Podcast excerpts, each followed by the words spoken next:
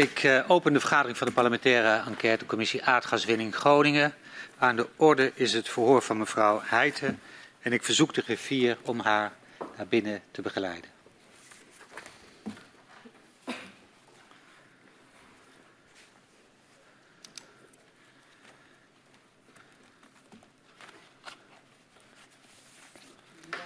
Middag.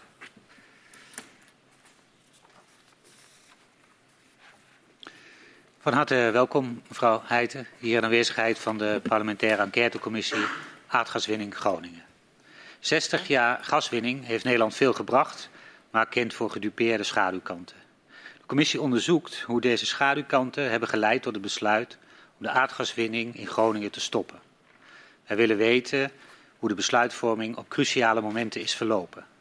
We onderzoeken de aardbevingen en de ontwikkeling van kennis daarover en uiteraard de afhandeling van schade veroorzaakt door bevingen en het proces van het versterken van gebouwen in Groningen. Vandaag uh, verhoren we u, mevrouw Heijten, omdat u heeft ervaren in de praktijk in, aan uw eigen huis wat het is om uh, schade te hebben, maar ook een versterkingsoperatie te ondergaan. Uh, u bent hier als getuige en u wordt verhoord onder ede en u heeft ervoor gekozen de eed af te leggen en dat u de gehele waarheid en niets dan de waarheid zal zeggen. Ik verzoek u daarom om te gaan staan en uw wijs en middelvinger samen met mij omhoog te steken tegen elkaar en mij na te zeggen, zo waarlijk helpen mij God Almachtig. Zo waarlijk helpt mij God Almachtig. Dan mag u weer plaatsnemen. Dan staat u nu onder Ede en het voor met u zal worden afgenomen door uh, Peter Quint en Stinke van der Graaf. En mogelijk aan het einde van het gesprek zal Julia Kat nog enkele vragen aan u stellen. Ik geef het woord aan de heer Quint. Ja, mevrouw Heijten. Um, in 2011 besluit u om naar uh, de provincie Groningen te verhuizen. Uh, u vindt een, een, oude boerderij in het buurtschap Terlaan in Bedem. Uh, u knapt die op op een plek waar vijf kilometer daar vandaan vindt enkele jaren later de, de beving bij Huizingen plaats. De beving leidt tot grote schade aan uw boerderij nou ja, de impact op u en uw gezin is ook groot geweest. Heel Nederland heeft dat ook kunnen zien in de documentaire uh, De Stille Beving uit uh, eh, 2017. En we willen met u ingaan op uw ervaring met uh, de afhandeling van aardbevingsschade, sloop en nieuwbouw. En ook de emotionele impact die dat kan hebben. En naast uw eigen ervaring zullen we misschien ook hier en daar wat, wat vragen hebben over andere mensen waar u mee in contact gekomen bent in, in die tijd. maar zoals ik al zei, 2011. Um, u koopt een kop-hals-romp boerderij uit 1837 uh, in het buurtschap um, Terlaan. Um, wat gaf voor u de doorslag om die boerderij te kopen? Ja, fantastisch oud pand. En de kop-hals-rompboerderijen in Groningen, dat, dat, die zijn zo karakteristiek. Uh, wij, konden, uh, wij konden hem kopen. We hebben altijd gedacht, nou, dat, dat is voor ons niet, niet, niet weggelegd. Dan komen we ergens bij de dijk bij Pieterburen terecht. Daar is het nog te betalen. En deze kwam op ons pad. Uh, door een samenloop van omstandigheden. We waren echt dolgelukkig. Ehm, dat gaf net de ruimte ook om het huis heen waar we eigenlijk heel erg naar op zoek waren.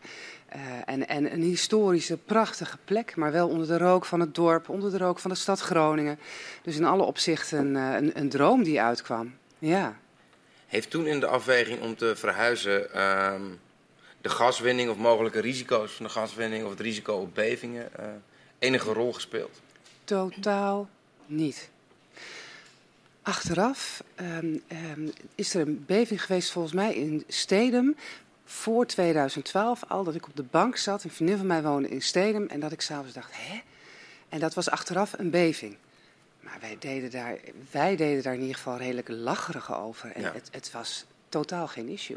Dus het was inderdaad. U wist natuurlijk wel dat er uh, zo, zo, nu en dan een beving was, maar heeft dat nooit gekoppeld aan risico's nee, of schade? Of... Nee, toen de, de beving uh, in Huizingen in 2012, toen die kwam, belde mijn moeder ons op. Wij zaten in Thailand, waren op vakantie ja. met onze jonge kinderen. En mijn moeder was echt redelijk panisch van. Er is een enorme beving geweest. En Albert en ik die, die deden zelfs toen nog wat lacherig van, oh ja, een tsunami in het Boterdiep. Het is een water wat dan door Bedem loopt. Ja. Uh, zo, we konden ons daar helemaal niets bij voorstellen. Het was geen issue. En um, de boerderij die u kocht is een, uh, is een oude uh, boerderij. En in hoeverre was er toen al sprake van schade toen in die boerderij kocht? Nou, wij hadden er een bouwkundig rapport bij dat hij in goede staat was. Maar er zat bijvoorbeeld een oude koeienstal um, nog in de schuur met een scheur in de muur waarvan wij ook altijd direct zeiden, ja, uh, uh, die zat er al ja, klaar, dat komt niet door bevingen. Er was een bijschuur bij die in slechte staat was, waarvan wij ook altijd direct hebben gezegd, komt niet door aardbevingen. En achteraf denk ik, nou, het was al heel lang aan de gang. Dus dat was misschien ook wel heel kort door de bocht. Het kwam niet door, niet door die beving. Precies, maar voor ons was dat toen de, de aardbevingsellende speelde, was dat nooit een issue dat we dat, van dat soort zaken zeiden, oh, dat komt door de bevingen. Um, en de boerderij zelf was dus verder in bouwkundig goede staat. De vorige bewoners hadden uh, overal vloerverwarming aangelegd. Uh, overal was, was dubbel glas, het was goed geïsoleerd. Um, dus hij, hij, was eigenlijk van alle gemakken voorzien en prachtig gerenoveerd. En daar zijn wij mee verder gegaan. Maar is bijvoorbeeld ook uh, de, de, de, de, structurele kant, waar natuurlijk later discussie over ontstaat van de boerderij, die, die, eh, die was in goede staat. Er waren geen fun, uh, ja. problemen met de fundering bijvoorbeeld. Nee, nee, nee, absoluut niet. Nee. U zei al dat u zelf tijdens de beving, beving van Huizingen op vakantie was, ja. Thailand. Ehm, hoe was dat toen u terugkwam? Wat, wat, wat trof u aan? Zowel de woning als de omgeving. Um, nou, mijn, mijn, mijn schoonouders vertelden wel dat er ook in de straat dat iedereen echt naar buiten was gerend, ontzettend was geschrokken. Um, maar wat wij thuis aantroffen, wij hadden een, een, een, deel van de schuurmuur, dat geeft ook al aan dat die in goede staat was, was ik geloof in de jaren negentig geheel gerenoveerd, opnieuw opgetrokken. En die was op acht plekken van boven naar beneden dwars door midden. Acht eh, plekken? op acht plekken. En daar werd dus deels zat de slaapkamer van onze kinderen daarin. Dus we kwamen direct heel veel fysieke, zichtbare schade tegen. Maar wat er ook gebeurde in de periode daarna, is dat ik van week tot week met mijn stofzuiger rondliep en dacht: hè, maar die scheur zat er nog helemaal niet. Het was net alsof het huis ook uh, daarna over een randje was geduwd en de schade bleef maar komen. Het was een soort proces wat niet meer stopte. Dus wat wij aantroffen na de vakantie, gingen we vol goede moed mee aan de slag. Dat was iets van oké. En dat ging ook met de NAM. In eerste instantie echt nog in redelijk en goed overleg. Ja. Eh, we dachten dit is een schadeprobleem. Maar achteraf gezien was er een soort point of no return bereikt. En bleef de schade maar komen en maar doorgaan vanaf dat moment. Want voor, voor de duidelijkheid, het gaat er dus niet om dat u zelf later pas extra schade ontdekte. Het gaat erom dat het huis bleef werken, om het even zo te zeggen. Dus dat de schade Precies. bleef toenemen. En ik weet nog hoe ik me voelde toen minister Kamp, toenmalig minister Kamp, in de Kamer wel zei: Goh, uh, er zijn steeds meer uh, schademeldingen en er zijn helemaal geen bevingen. En dat is het moment dat je ook voelt van, maar wat wilt u hier nou mee zeggen? Uh, ik stel me niet aan, ik zie wat er gebeurt. Ja. Um, en inderdaad, er is geen beving, maar er is wel een nieuwe scheur. Het, het, het, gaat vanaf nu maar door. Nou ja, en, en, en daarna ook werd zichtbaar. Wij hadden de zaak eh, mooi gerenoveerd, naar onze hand gezet, opnieuw geschilderd. Ik zie mezelf daar nog bezig. Uh, uh, alles goed geplamuurd, gekit. En wij zagen gewoon de voorgevel van de boerderij. Ook daarom, omdat het allemaal zo netjes was gemaakt voor augustus 2012. Zagen we in één keer dat die hele muur, die hele gevel begon te wijken. Um, en dus met wijken bedoelt u dan, die komt aan de bovenkant los? Ja, ja, dus die schade werd eh, steeds groter. Ja. Okay. ja. Die schade die meldt u vervolgens uh, bij de NAM. Hoe pakte de NAM dat in eerste instantie op? Positief. Wij konden met NAM echt goed in gesprek. We moesten bijvoorbeeld nog de slaapkamers van de kinderen wilden we uh, nieuwe gevels inmaken met deuren en ramen. Er zaten alleen ramen in. Nou, we kwamen daar allerlei scheuren tegen en uh, die werden vergoed. Maar dan zeiden we, ja Horus, wij willen eigenlijk heel graag ook die hele gevel aanpassen. Is het mogelijk dat we dan dat geld krijgen en dat bij ons eigen geld leggen, zodat we daar direct dat kunnen doen wat we het liefst willen? Dat was allemaal geen enkel probleem. Het was echt. Um, nou, we hebben direct na augustus 2012 hebben we ook de melding gedaan. En in eerste instantie ging dat gewoon in alle redelijkheid. Ja. En hoe ging de NAM om met de schades die uh, later optraden? Nou ja, dat verhaal bijvoorbeeld van de gevel, daar ging het mis. Die gevel begon. Op welk moment in de tijd was dat? Ja, dat is een goede vraag. Ik, ik, denk na een half jaar dat dat echt zo zichtbaar werd. Okay. Um, dus die eerste fysieke schade was allemaal niet zo'n punt. En toen zagen we die gevel zagen we echt wijken. Die begon echt weg te zakken. Dus we hebben weer de NAM gebeld. Ik denk dat dat de derde keer was dat we, dat we ze belden, derde of vierde keer. En toen kwam er weer een tussenpersoon langs en uh, wij zaten wat te sparren. En ik zei, nou volgens mij uh, moet de zaak hier opnieuw gefundeerd worden. Hè, anders staat hier over een jaar weer een stijger, daar schieten we niks mee op. En toen zeiden ja, daar heeft u eigenlijk wel een punt, maar dat mag niet. En toen zei ik, dat mag niet. Nee, ik mag alleen cosmetische trillingsschade opnemen. Ik mag niets met die fundering doen. En uh, ja, dat was voor mijzelf een kantelpunt. Ik was toen echt boos en, en, en verontwaardigd. Omdat ik dacht, maar hier help je mij niet mee. Je kunt toch niet van mij verwachten dat ik elk jaar opnieuw de stijgers rond mijn huis wil hebben. Dus toen heb ik de toenmalige directeur van de NAM, van de Leenput, Kamp, ben ik brieven gaan schrijven. Um, met dit verhaal. Ja, en, en dat was eigenlijk ook het moment dat de documentairemaker um, bij ons op ons pad kwam. Ja, en toen kwam alles heel erg in een stroomversnelling. Um, maar dat, dat was het moment, achteraf gezien, dat wij mijnbouwschade constateren, dus zettingen en verzakkingen die niet rechtstreeks gerelateerd zijn aan een beving of aan trillingen. Dus niet cosmetische trillingsschade, maar wel te maken hebben met bodemdaling, aangepaste grondwaterpeilen. Die in combinatie met de trillingen, soms al lichte trillingen, een huis als het ware over een randje duwen, dus die mijnbouwschade. En dat we er ook achter kwamen dat, ja, daar gingen de luiken dicht bij NAM en Shell. U zei, uh, ik, begon brieven te schrijven, de directeur van de NAM, uh, minister Kamp. Kwam daar ook reactie op? Um, ja, vanuit de NAM wel. Um, een van de redenen ook dat ik die brief schreef was omdat wij geen inzage kregen in ons uh, eigen dossier. De tussenpersoon die met mij het gesprek had gehad, die had een side letter geschreven en dergelijke. Wij wisten dat die er was, maar wij mochten die niet inzien. Dus um, nou ja, dat, dat, was ook een van de redenen waarom ik in de pen was geklommen. En om mijn verontwaardiging uiteraard dat die mijnbouwschade niet werd erkend. En toen kwam de NAM langs met ook de side letter uh, om weer met ons het gesprek toch aan te gaan over de ontstaande situatie. Uh, dus um, toen kwam er ook weer vanuit de, de NAM eigenlijk wel um, nou, kwamen ze weer op ons pad. Hadden ze wel een open houding om te, weer in gesprek te gaan. Um, te zeggen van oké, okay, dan gaan we nu toch nog eens opnieuw kijken. En wat bedoelt u precies met side letter? Nou ja, um, um, de, de, de, de tussenpersoon schrijft eigenlijk een rapport over zijn bevindingen. En daar maakt hij een soort brief van. En in die brief, uh, ja, die kregen wij dus niet, terwijl het over ons huis en onze schade ging. Wij kregen eigenlijk alleen maar van de NAM uh, te horen wat er wel en wat er niet zou gebeuren. Namelijk, ze wilden alleen de voegen dicht gaan maken met uh, een soort epoxy en met muurankers. Terwijl het een kalkgemetselde muur was. Ehm, dus als je die gaat dichtgieten in beton op bepaalde plekken, ja, dan bij een volgende beving, dan scheurt hij op een andere plek weer verder. Het was, het was geen oplossing. Maar die side letter, die kregen wij dus niet, die de tussenpersoon geschreven had. Um, en als het goed is, wij dachten toen ook, en dat bleek later ook, daar staat in dat uh, de echte goede manier om dit op te lossen is die voorgevel opnieuw funderen en opnieuw opmetselen. Ja. Want, uh, hoe heeft u die site letter later uh, te zien gekregen? Nou, toen ik dus die brieven ben gaan schrijven en ik, ik, ik weet eigenlijk niet of dat ook al met een media-optreden erbij was. Ik dacht het niet.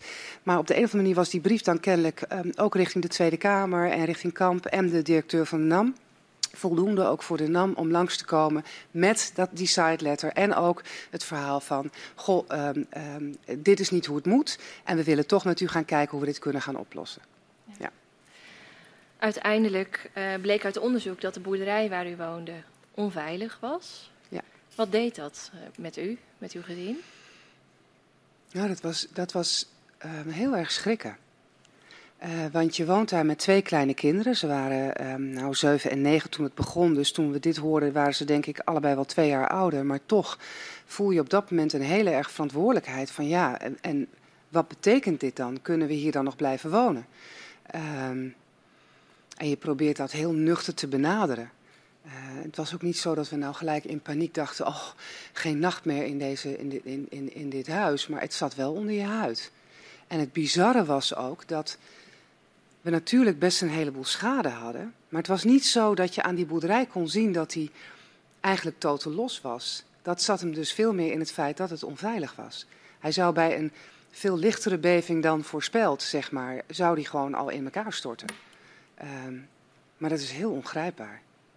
Ja, en ik weet wel dat ik toen ik dat hoorde ook direct ben uh, weer kamp brieven ben gaan schrijven over de scholen in Bedem omdat mijn dochters ook naar de uh, basisschool gingen in het dorp. Maar ik wist ook dat er inmiddels een programma was en dat ze alle scholen in het hele aardbevingsgebied, dat ze daar mee aan de slag wilden. En dat ze daar ook diezelfde onderzoeken wilden gaan doen. Ja, en ik weet dat ik voor mijn boerderij stond en het dorp inkeek en dacht, maar wacht even, zeker de school waar mijn dochters zaten, was ook een oudere school. Uh, bij mijn boerderij is het niet echt zichtbaar.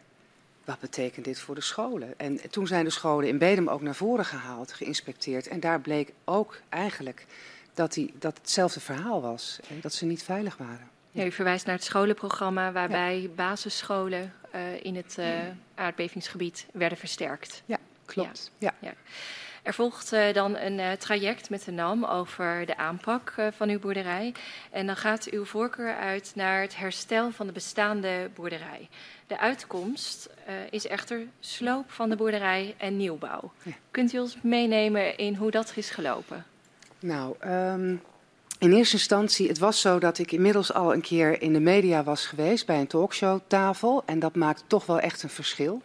Uh, dat voelden wij aan alles. Dat is uh, achteraf gezien ook een groot geluk geweest. Hoe maakte dat verschil? Nou, dat ze, um, op een gegeven moment zat ik bij Umberto Tan in een talkshow. En um, ik zou de volgende dag horen wat uh, de, de uitkomst van alle analyses zou zijn. Dus wat er zou gaan gebeuren met mijn huis. En dat vertelde ik aan Umberto. En die zei onmiddellijk spontaan: Oh, maar dan wil ik dat je hier morgenavond weer zit. Um, want dan wil ik dat je gaat vertellen wat dan de uitkomst is.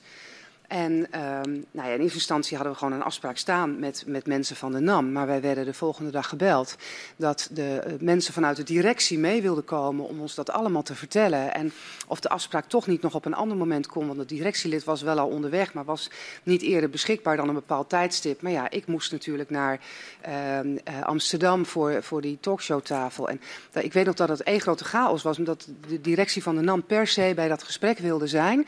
Zodat ik ook, um, nou ja, s'avonds um, dat op een goede manier zou kunnen verwoorden. En wat er ook werd gezegd toen was, um, het maakt eigenlijk niet uit wat je kiest. Um, schadeherstel, sloopnieuwbouw of uitkopen. Het mag, geld speelt geen issue en u wordt volledig ontzorgd.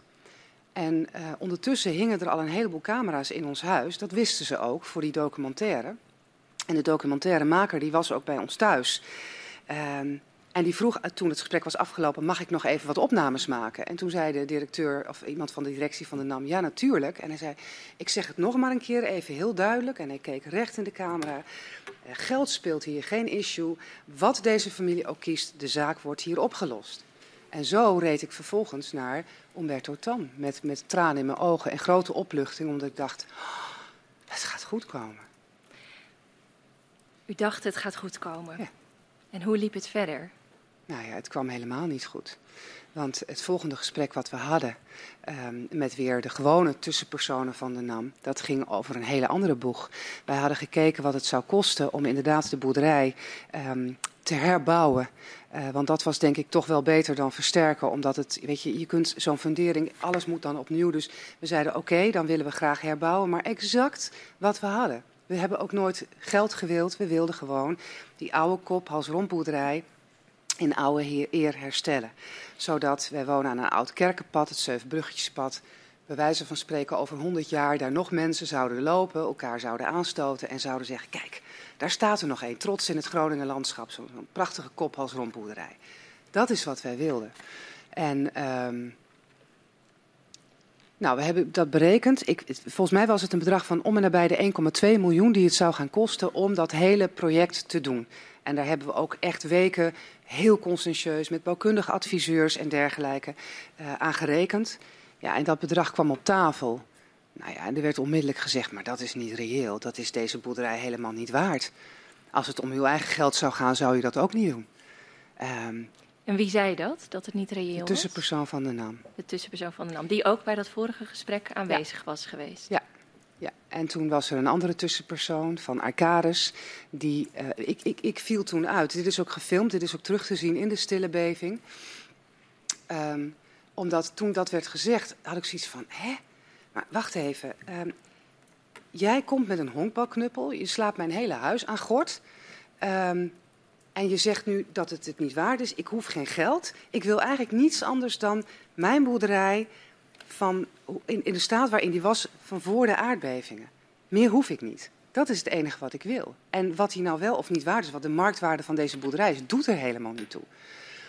En omdat ik dat op een bepaalde toon zei, zei de Arcadis-persoon die erbij was: Nou, mevrouw, maar het begint nu wel echt een beetje persoonlijk te worden. En toen, ja, toen, toen, toen brak ik bijna. Omdat ik zei: Persoonlijk, maar dit is persoonlijk. Dit gaat over mijn leven.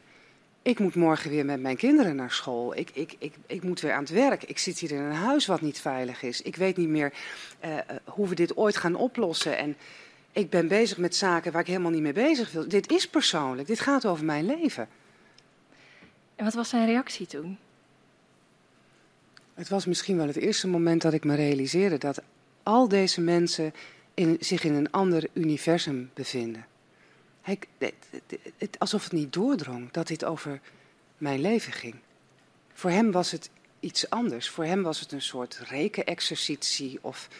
Ja, ik weet het eigenlijk niet. Ik vind het ook moeilijk om voor die persoon te praten. Maar het was wel duidelijk dat het niet tot hem doordrong wat het met mij deed. Heeft u zich nog herinnerd aan uh, die toezegging dat geld geen rol speelde en dat het opgelost moest worden, dat u in een veilig huis moest komen te wonen? Ja, zeker. Zeker. Maar ik herinner me ook nog wel van dit gesprek dat uh, het niet, niet lang duurde voordat uh, we ook zeiden van dan houdt het hier op. Dan gaan we naar de rechter.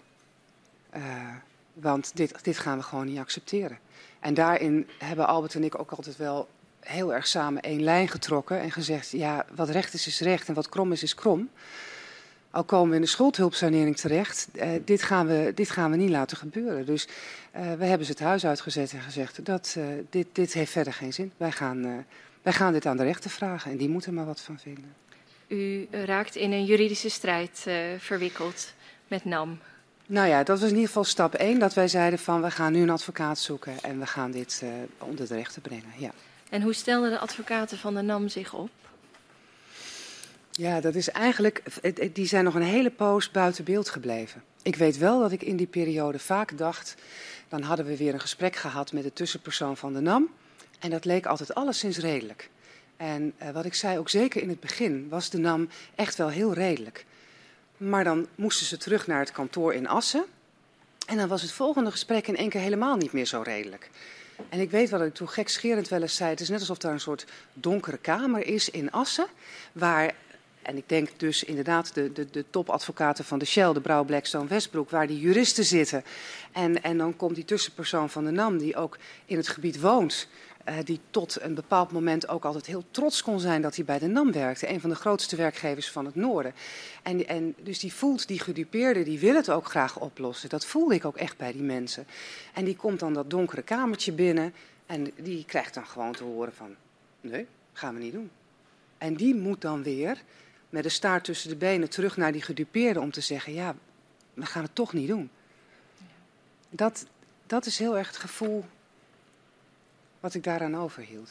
Wanneer komen die advocaten van NAM wel in beeld?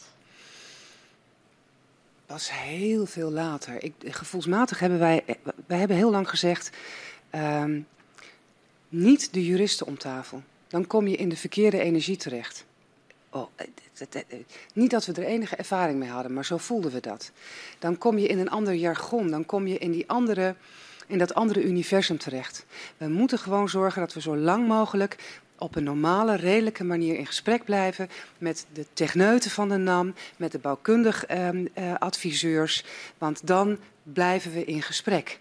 Um, en dat hebben we dus ook heel lang volgehouden.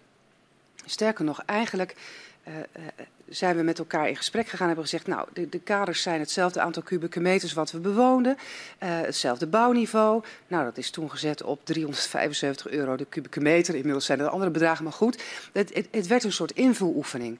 En vervolgens hebben we nog allerlei gesteggel meegemaakt met die keuken kan je toch wel hergebruiken en een vliesotrap is goed genoeg en dat balkenplafond is toch allemaal niet nodig. Maar het is dan wel een technische exercitie en met veel plussen en minnen, ook geven en nemen, kom je daaruit. En pas toen hebben we gezegd, oké, eigenlijk zijn we eruit. Dan gaan we nu de advocaten om tafel zetten.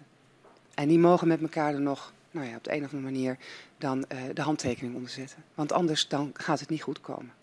En doen ze dat?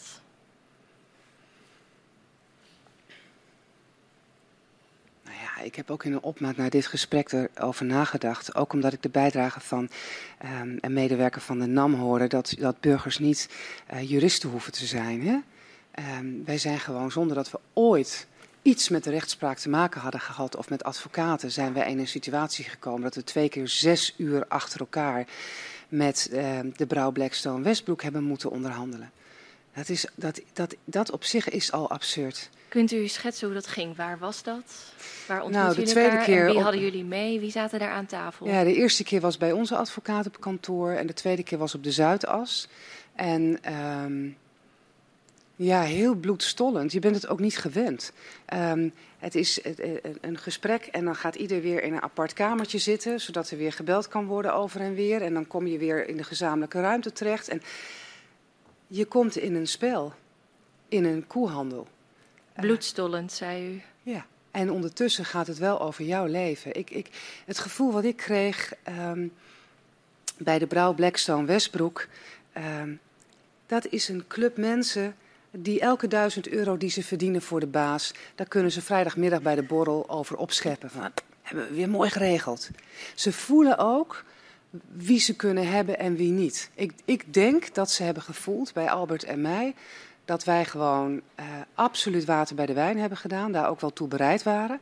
Maar dat we wel zoiets hadden, wat recht is, is recht en wat krom is, is krom. Um, maar maar uh, zij zitten in een spel. Voor hun is het een spel. Ik had op dat moment net een WOZ-beschikking thuis gekregen, waarin stond dat de waarde van mijn huis de grondwaarde minder sloopkosten was. We waren echt alles kwijtgeraakt. Het was gewoon niets meer waard. En dan zit je zes uur lang twee keer te onderhandelen. U zegt, zij ervoer het als een spel? Ja, ik kan natuurlijk niet voor ze praten, maar zo ervoer ik het in ieder geval. Ja. En waren zij eh, eruit op uit om te winnen? Ja, absoluut. Heeft u op enig moment het gevoel gehad uh, dat die, die toezegging of die uitspraak die NAM eerder had gedaan, we komen hier uit, uh, geld speelt geen rol, dat dat nog nou ja, in de gedachten zat van die advocaat op dat moment om hier uit te komen met elkaar? Wat ik merkte, um, echt oprecht, en ik vertrouw mijn eigen intuïtie daarin, toen we eruit waren, dat de mensen van de NAM aan tafel met tranen in hun ogen zaten.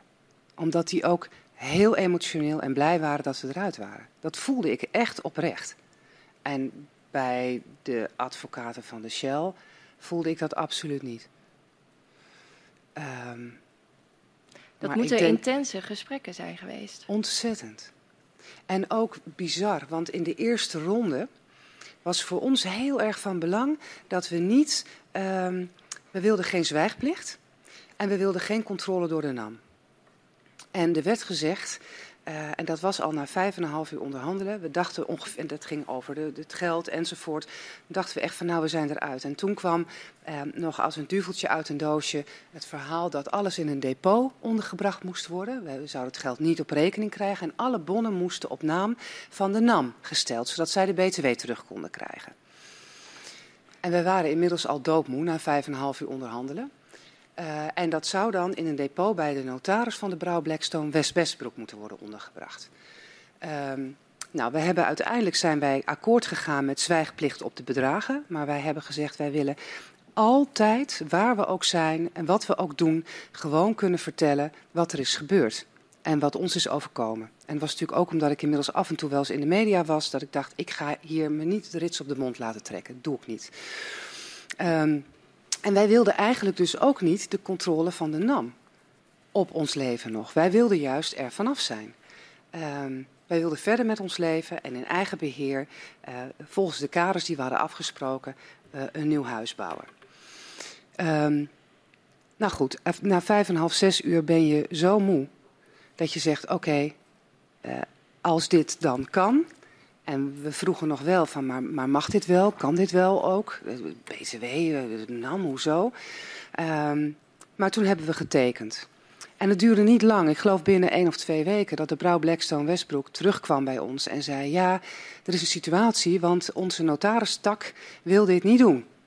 En dat heeft te maken met het feit dat er, um, nou ja, mocht er in de toekomst een conflict ontstaan, dan kan er een. Um, dan zijn er meerdere belangen vanuit één bedrijf. Uh, en dan, dan, kun, dan, kan de advocatentak niet meer uh, namens NAM Shell uh, zijn werk doen. Het, het ingewikkeld verhaal, maar het moet naar een andere notaris.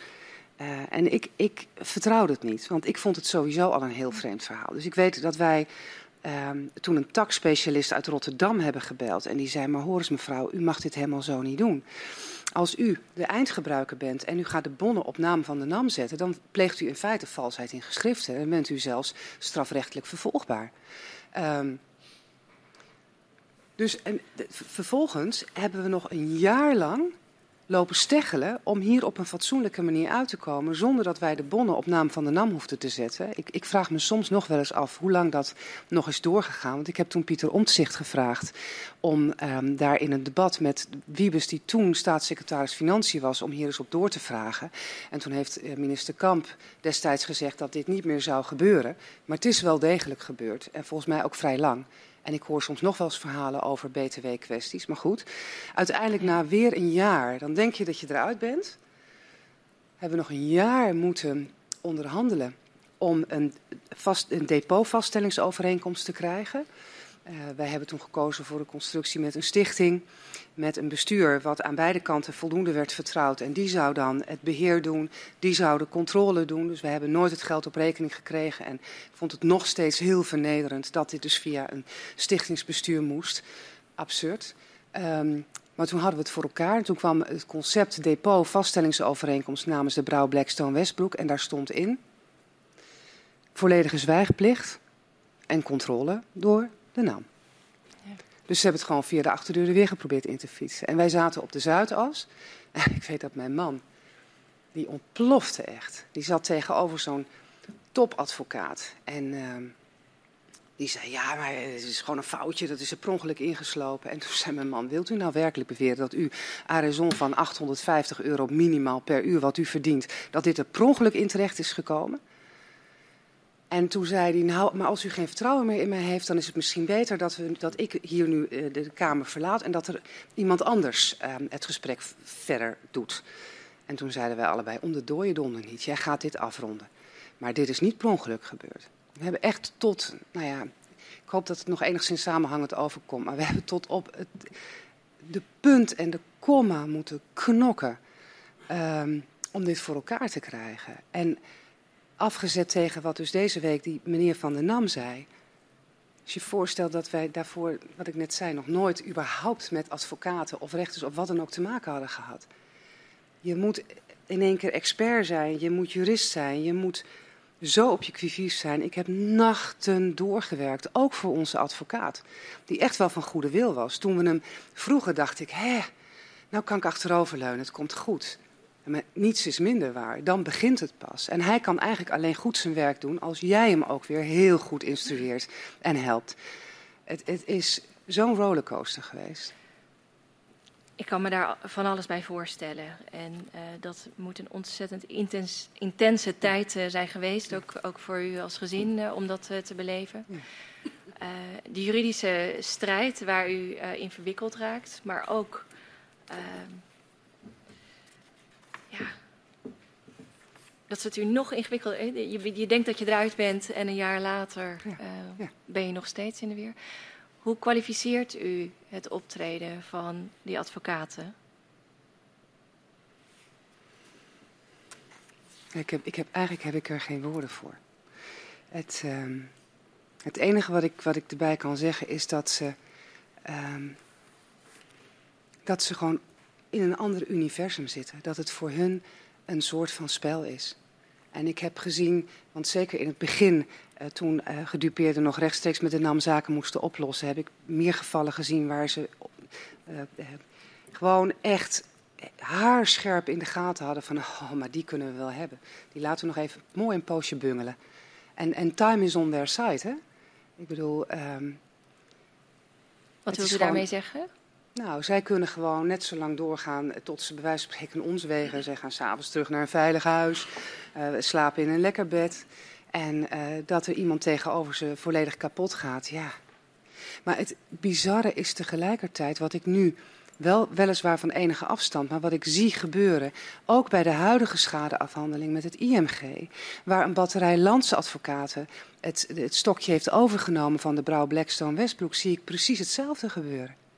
Ook daar staat een gedupeerde kansloos tegenover een landsadvocaat. Die gewoon zoveel experts uit de kast kan toveren als hij wil. En, en bizar genoeg eigenlijk betaalt met ons belastinggeld diezelfde burger gewoon kapot kan procederen. Het fenomeen is eigenlijk niet veranderd. Wat was de belangrijkste reden voor u om uiteindelijk akkoord te gaan met het voorstel? Wij wilden ons leven terug. In het proces van wel of niet naar de rechter gaan hebben we echt dagen zitten plussen en minnen. En op een gegeven moment tegen elkaar gezegd: oké, er is zoiets als gelijk hebben en gelijk krijgen. Bij Sijbrand Nijhoff maandag werd wel duidelijk dat de rechter op een gegeven moment vroeg: meneer Nijhoff, wilt u gelukkig worden of wilt u gelijk krijgen? Of iets van die strekking. In feite was dat ook wat wij tegen elkaar zeiden. Um, en we zeiden ook, ik denk dat we dat redelijk goed hebben kunnen inschatten. Als we gaan procederen, dan zijn we zo vijf, zes jaar verder. Dan hebben we een uitspraak, maar nog geen oplossing. Dan gaan de kinderen uit huis en dan wordt dit ons leven. En dat willen we niet. Zo willen we niet leven. Dus um, wij zijn uiteindelijk ook akkoord gegaan hiermee, omdat wij ons leven wilden behouden en wilden leven met onze kinderen. Is dat, is dat ook wat u bedoelt met time is on their side? Ja, absoluut. absoluut. Moet ik het... Uh, van, van zo'n actie zoals met zo'n notaris die dan terugkomt op een eerder gedane toezegging... moet ik dat ook in dat licht zien? Of dat... Nou, ik heb altijd gedacht dat de notaristak van de Brouw Blackstone Westbroek ook wel nattigheid voelde, omdat het gewoon echt helemaal niet mocht wat ze voorstelden. En dat ze ook mede daarom hebben gezegd: van, ja, dat gaan we niet bij ons doen. Uh, maar dat kan ik niet hard maken. Dat is gewoon mijn gevoel erbij geweest. Ja. Uh, maar feit is wel dat het vervolgens nog een jaar duurde voordat je dan zo ver bent dat je echt uh, ook maar kunt beginnen met nadenken over. Ja. U zei in een bijzin, ik hoor een paar dingen voorbij komen waarvan ik dacht van nou, als, als het kan wil ik daar nog even op terugkomen. Um, u zei in een bijzin dat u later nog wel van meer mensen had gehoord dat er uh, bij, bij, uh, rondom hun huis btw kwestie speelde met de NAM. Ja. Ging het allemaal om, over spe specifiek dit punt, over het op... Ja, uh, ja zeker. Over de en, bouwbonnetjes, en, om het maar even plat te zeggen? Nou ja, in feite werden alle bonnen op naam van NAM gesteld en de NAM kon daardoor de btw aftrekken. Terwijl de NAM niet de eindgebruiker was. Volgens mij hebben ze het bij het Forum ook gedaan. Dat ging over grote bedragen. Want het Forum in Groningen moest op een gegeven moment ook aardbevingsbestendig gemaakt worden. Dat speelde allemaal voor die tijd. Dus ik vraag mij af hoe wij als belastingbetaler, hoeveel geld daar op die manier eigenlijk al is weggesluist destijds. Eh, totdat minister Kamp eh, ergens een keer, ingezet door Pieter Omtzigt, heeft gezegd: nee, dit, dit kan zo niet. Ik vraag me, ik, ik heb geen idee, maar ik, ik heb het altijd heel bizar gevonden dat dit zo ging. En uh, iets verder terug, van, in uw leven flink verder terug, zei u dat uh, de directie van de NAM mee wilde uh, om op gesprek te komen bij u thuis. Om, uh, nou ja, het, het, geld speelt geen rol moment, om het maar even zo te zeggen. U heeft later in, in die jarenlange strijd heel veel contact gehad met andere gedupeerden. Heeft u ooit vaker gehoord dat de NAM-directie meekwam om een aanbod te doen bij iemand thuis?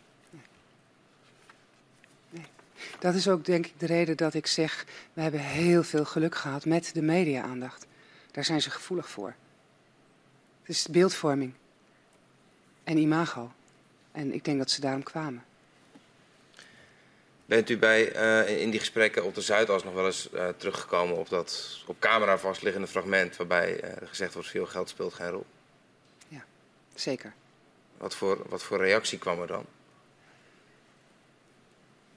Wat ik in ieder geval weet is dat wij uh, op de Zuidas op een gegeven moment onze eigen uh, juridische adviseur, advocaat zeiden van wij gaan dit doen, niet jullie. Ja. Albert en ik dus. Um, want wij gaan niet in dit juridisch jargon mee. Wij gaan gewoon het gesprek aan en wij gaan gewoon vertellen wat dit met ons heeft gedaan. Ja. En daarmee haal je ze ook uit hun, uit hun comfortzone. Want anders is het geachte confrère. Het blijft op een bepaald niveau, allemaal heel netjes. Nee, dit gaat, precies, dit gaat over ons leven. En dit is wat het met ons doet. En als we hier niet uitkomen, gaan we alsnog naar de rechter. En de kans dat de rechter ons gelijk geeft is groot. Maar zelfs als hij het niet doet, dan weet heel Nederland wat hier is gebeurd. En dan wordt er recht gesproken. En op die manier gingen wij in gesprek. Um, en we merkten dat, dat ze daar niet van terug hadden. Dat het heel moeilijk werd voor ze om dan nog te onderhandelen. Omdat je dan niet meer in, in het spel meegaat. Maar gewoon zegt, dit is wat het met mij doet. En jullie hebben wat beloofd. Um, dus misschien was, is, is dat ook wel mede de reden geweest dat we er uiteindelijk wel uit zijn gekomen. Ja. En uh, we hebben nu enige tijd stilgestaan bij de juridische procedures in, uh, in uw eigen situatie. We zeiden net al van u heeft in de loop der jaren ook heel veel contact gekregen met andere gedupeerden. Met mensen in, uh, nou ja, geen enkele situatie is vergelijkbaar, maar mm -hmm. mensen die ook problemen hadden met schade aan hun huis. Of soms zelfs nou ja, sloopnieuwbouw bijvoorbeeld. Kunt u voor, uh, ook voor de mensen die meekijken, een, een, een, rode draad schetsen in de verhalen die u in de loop der jaren uh, van Groningers gehoord hebt? Ja, um, eigenlijk uh, is in ieder geval een van mijn conclusies dat de meest kwetsbare mensen in Groningen kansloos zijn. Terwijl het niveau van een maatschappij zou je moeten kunnen aflezen aan de wijze waarop je met de meest kwetsbare mensen omgaat. Deze zijn in Groningen kansloos als je niet mondig bent en niet je wegen weet te bewandelen. En um, met name waar het gaat om de schadeafhandeling, um, zie ik um, een rode draad en de getuigenverslagen tot op de dag van vandaag bij schadeafhandeling wijken niet af van die van helemaal van het begin van deze enorme crisis. En dat is bizar. Er is kennelijk niet veel veranderd. En dat is er eentje uh, die ik heel erg belangrijk vind. Um, maar ik vind het ook wel belangrijk als u me toestaat om een paar van die voorbeelden er even uit te lichten. Om te laten zien wat ik ermee bedoel. Um, een van de eerste huizen die werd gesloopt bij ons op Terlaan. Um, was van iemand die daar 40 jaar heeft gewoond. Met wat beesten, zijn paard, wat schaapjes. Uh, die man die moest van het een op het andere moment zijn huis uit met de rits op de mond. 35 procent onder de toch al veel te lage WOZ-waarde is hij vertrokken naar een huurhuis in Appingedam. Twee jaar later, eh, eh, RTV Noord heeft een, een, kerstprogramma met Cunera. Die ging bij mensen langs die wel wat uh, steun konden gebruiken. En de dochter van deze persoon die had Cunera gebeld en gezegd... papa heeft nooit zijn paard weer teruggezien. Hij heeft er nooit weer naartoe kunnen gaan. Dus Cunera had bedacht met de dochter van deze persoon: wij gaan met het paard naar hem toe. En ik zie nog dat ze met het paard de straat inkomen lopen en ik zie hem gewoon breken. Hij ziet zijn paard die gewoon al die jaren niet meer had gezien. En al dat verdriet en al die wanhoop, die kwam er gewoon uit. Deze man was kansloos. En ik weet nog dat ik daags daarna een brief schreef aan Kamp waarin ik vroeg: Bent u ooit bereid om gelijke monniken, gelijke kappen voor deze mensen wat te doen? Want de rode draad is rechtsongelijkheid. En die is zo schrijnend en zo bizar. Doordat elke keer richtlijnen zijn aangepast. En ik ga echt niet altijd per se uit van verkeerde bedoelingen. Zijn er zoveel groepen ontstaan. Voor de een geldt dit, voor de ander geldt dat. Um, bij mij in de polder waar ik woon is er, uh, zijn er een aantal boerengezinnen die op tijd waren om mee te draaien in heft in eigen hand. Die ja. voor meer dan een miljoen de zaak goed opgeknapt kunnen krijgen. Geeft ook nog meer dan genoeg ellende hoor. Want mensen in heft in eigen hand zijn niet te benijden, daar gaat het niet om. Maar een andere familie was net te laat. Kon niet meer meedoen omdat hij maar tijdelijk is opengesteld voor een zeer klein groepje mensen. En die staan nog steeds met lege handen. Um, en dat woont allemaal in dezelfde polder. Hoe verklaart u dat? Je zou toch. De, je, je, denkt van, nou ja, je woont bij elkaar in de straat, hetzelfde gebied. Uh, schade vaak. Nou, het, waar het in ieder geval is misgegaan, is dat minister Wiebes, en hij verdient echt credits voor het feit dat hij heeft gezegd: de gaskraan gaat dicht. Um, ik zeg wel eens gekscherend in Groningen, van rij mij maar rond op een kar en smeer me maar in met pek en veren. Maar ik meen het echt. Wiebes die verdient de complimenten voor die beslissing. Ik zie nog niet zo snel een andere bewindspersoon dat hebben gedaan. Niet Kamp, niet Blok, Wiebes deed dat. Uh, maar tegelijkertijd zei hij, dan drukken we nu de pauzeknop in. Want dit gaat consequenties hebben voor de versterkingsopgave. Uh, en, en nou ja, Suzanne Top heeft dit maandag ook goed uitgelegd, vind ik. Um, daarna is er die rechtsongelijkheid zeker ontstaan. Omdat voor een bepaalde groep gold, die waren al zover in het proces. Daar werd dan wel versterkt volgens bepaalde richtlijnen. Nadat bekend werd dat de gaskraan dicht zou gaan, werden de richtlijnen aangepast. Dus moesten in één straat de andere helft van de huizen in één keer op een hele andere manier versterkt worden. Ik werd recent nog gebeld door iemand uit Bedem die uh, in een groep zat die destijds zijn onderzocht, uh, waar eigenlijk gold sloopnieuwbouw. Uh, maar omdat ook die, dat proces zo lang duurde, gold er inmiddels een andere richtlijn. En volgens die nieuwe richtlijn was het alleen nog maar nodig om twee balken in het huis te zetten. En daarmee zou het klaar zijn. Maar een aantal huizen in die straat waren wel al zover. En dan moet je ook nog maar vertrouwen dat die richtlijnen kloppen. Want we hebben natuurlijk in Groningen heel veel, heel lang door allerlei wetenschappers gehoord. Maar ja, wie zegt me dat ze gelijk hebben? Um, Wat doet dat met het veiligheidsgevoel van iemand? Dat is het. Dat is gewoon fnuikend. Kijk, je hebt toch geen vertrouwen meer. Um, dus je moet vertrouwen wat je niet hebt. En dan moet je ook nog vertrouwen op wetenschappers die um, uh, beweren van zo zit het in elkaar en dit is veilig. Uh, maar diezelfde wetenschappers verhouden zich in dit dossier op geen enkele manier tot de mensen en tot de keukentafel. Want die wetenschappers die schrijven rapporten en die wijzen eigenlijk elke vorm van mijnbouwschade af. Maar ondertussen zegt de persoon die het aangaat aan de keukentafel: ja, maar na de beving van Huizingen, augustus, zie ik gewoon, net als mij overkwam, mijn hele huis kapot gaan. En de wetenschap zegt: nee, dat kan niet. Dus het is, er is zo'n kloof tussen wetenschap, keukentafel, systeem, mens. En er is geen vertrouwen. En de richtlijnen worden elke keer aangepast.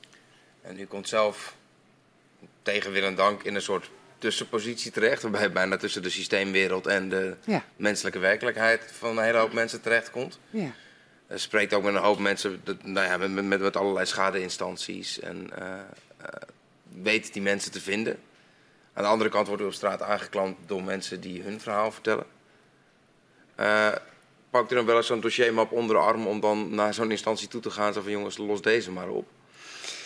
Ik moet zeggen dat ik zowel bij het IMG als bij de NCG wel um, altijd een luisterend oor heb ervaren als er dan een situatie is.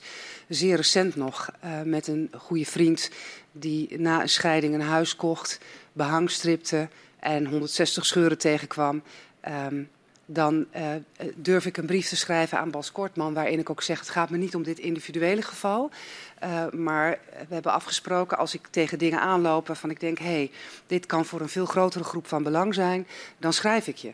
En dan schrijf ik ook van uh, hoezo menselijke maat. Als je kijkt hoe hier de schade wordt afgehandeld, of liever gezegd niet.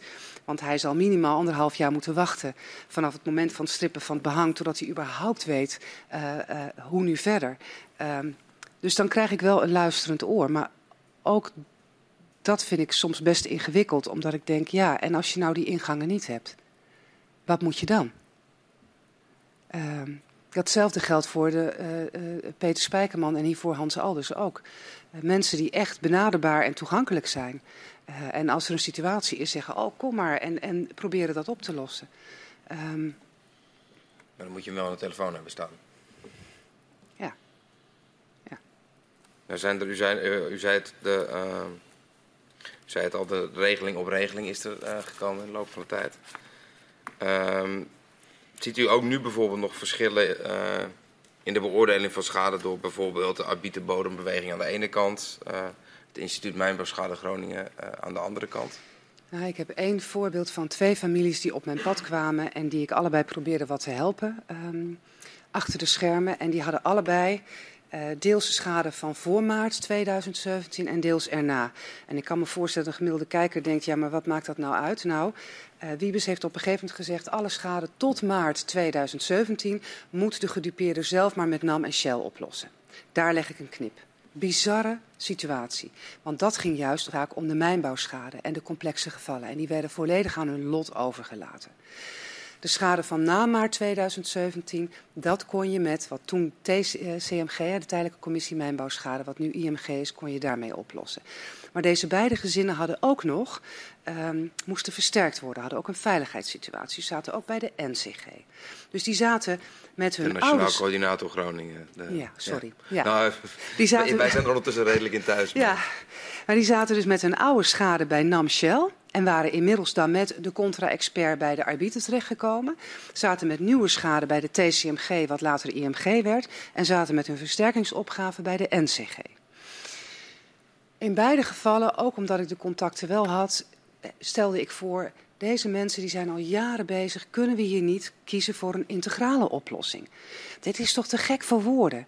Nou, werd er gezegd, dat is eigenlijk helemaal niet zo'n gek idee. Laten we er een pilot van maken en dan gaan de Nationaal Coördinator en TCMG, IMG gaan samenwerken en kijken hoe we dit kunnen vlot trekken. Um, Ondertussen had ik wel al, was ik bij de laatste gesprekken met de arbiter bij die beide gezinnen geweest. En had ik de arbiter ook horen zeggen bij de laatste inspectie dat de zettingen, de mijnbouwschade, de verzakkingen, dat hij die erkende als mijnbouw gerelateerd. Aardbevingsgerelateerd. Dus dat was uh, op zich heel positief.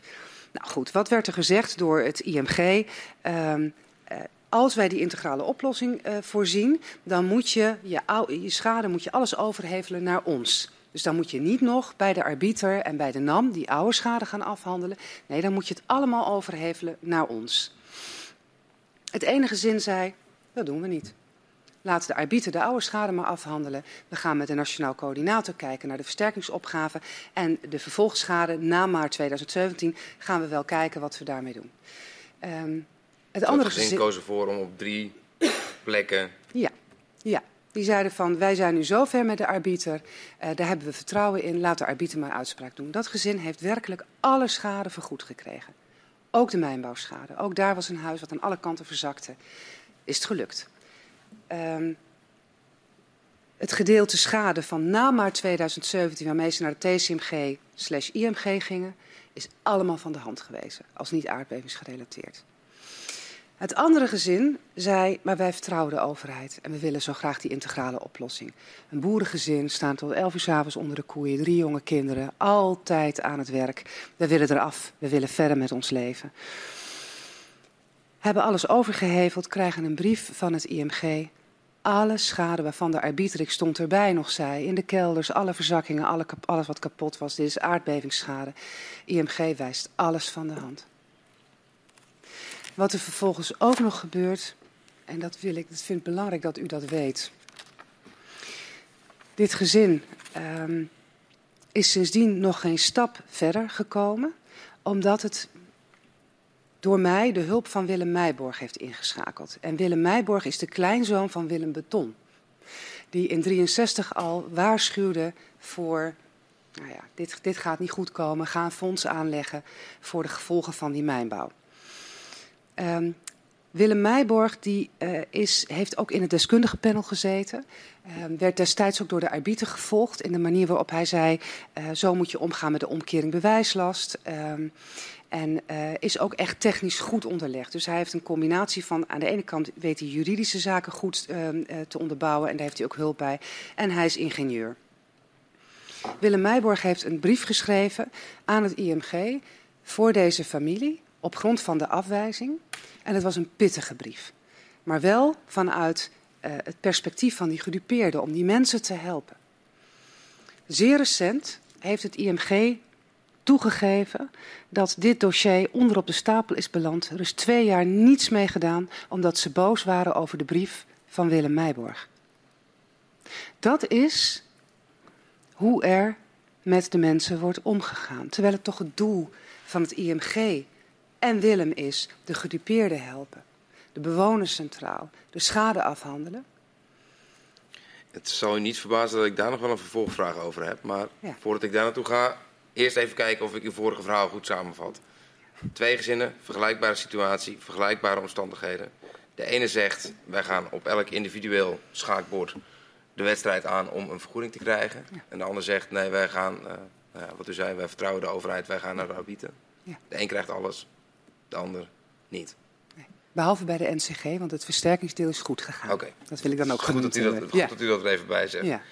En u zegt dat IMG, Instituut Mijnbouwschade uh, Groningen, dat zij hebben toegegeven dat een dossier twee jaar lang onderaan de stapel is gekomen. Uh, omdat zij boos waren vanwege de media-aandacht van een brief? Nee, een pittige brief van Willem Meijborg, meer niet. En die brief ging eigenlijk alleen maar over dat het onterecht was dat de schade was afgewezen. En was eigenlijk een soort zienswijze op waarom het wel aardbevingsschade En de brief was aan IMG gericht of was die ook ja, publiek? namens de familie. Was die brief ook publiek? Nee, nee. Maar iedere persoon, Willem Meijborg voorop. Maar er zijn meer personen die echt heel hard hebben geknokt voor bewoners. Die ontzettend hun best hebben gedaan. En niet altijd hebben meegeknipmest met bestuurders, uh, instituten. En die worden, um, die worden in een hoek geduwd. Eigenlijk is Willem misschien de enige nog die wat dat betreft onafhankelijk probeert om echt de mensen te helpen. Maar hij wordt door het IMG. Ja, het is bijna een soort meent van de sluisverhaal en, en zijn, zijn grootvadersverhaal. Hij wordt weggezet als uh, die man die spoort niet. Um, hij wordt tegengewerkt. Um, net als andere mensen die echt de afgelopen jaren vreselijk hun best hebben gedaan voor gedupeerden. Terwijl je eigenlijk allemaal aan dezelfde kant staat, toch? Hoe is u dit verhaal ter orde gekomen? Kunt u, kunt, kunt u dat zeggen? Ja, zeer recent kwam het IMG, en ik heb deze familie als een soort zaakwaarnemer begeleid, kwam het IMG bij ons en zei, ja, um, de persoon um, die dit um, destijds heeft begeleid, die gaat per januari weg, zit inmiddels ook in het bestuur van het IMG en die wil toch nog kijken of er wat oude dossiers die zijn blijven liggen, of die opgelost kunnen worden. En die heeft nu een nieuwe persoon gevraagd of die hier toch nog eens weer naar wil gaan kijken. En die persoon kwam langs en in het eerste gesprek werd er dus ook letterlijk toegezegd of toegegeven dat dit is blijven liggen omdat ze boos waren over de brief van Willem Meijborg. Het schetst, het, het, het zegt iets over hoe er hier met zaken worden omgegaan. En als dat niet boven tafel komt, dan vrees ik dat er met die schadeafhandeling niets verandert. En ik wil niet zeggen dat het met de versterking allemaal van een leien dakje gaat, maar mijn ervaring daar is echt anders dan met die schadeafhandeling. En het gaat niet goed bij die schadeafhandeling. Het is net alsof je nog steeds precies hetzelfde hoort als waar ik mee begon, namelijk we mogen alleen cosmetische trillingschade ja. opnemen. Er is niets veranderd. Als laatste vraag hier, hoe, hoe verklaart u dat? U leest overal de, uh, maatwerk ruimhartig. Nou ja, u, kunt, u kunt de woorden, u kunt stromen. Ja. Hoe kan het dat dat dan nog steeds zo'n hoofdpijndossier is? Ik kan eigenlijk niet tot een andere conclusie komen, dat is mijn conclusie, dan dat het een ordinaire centenkwestie is.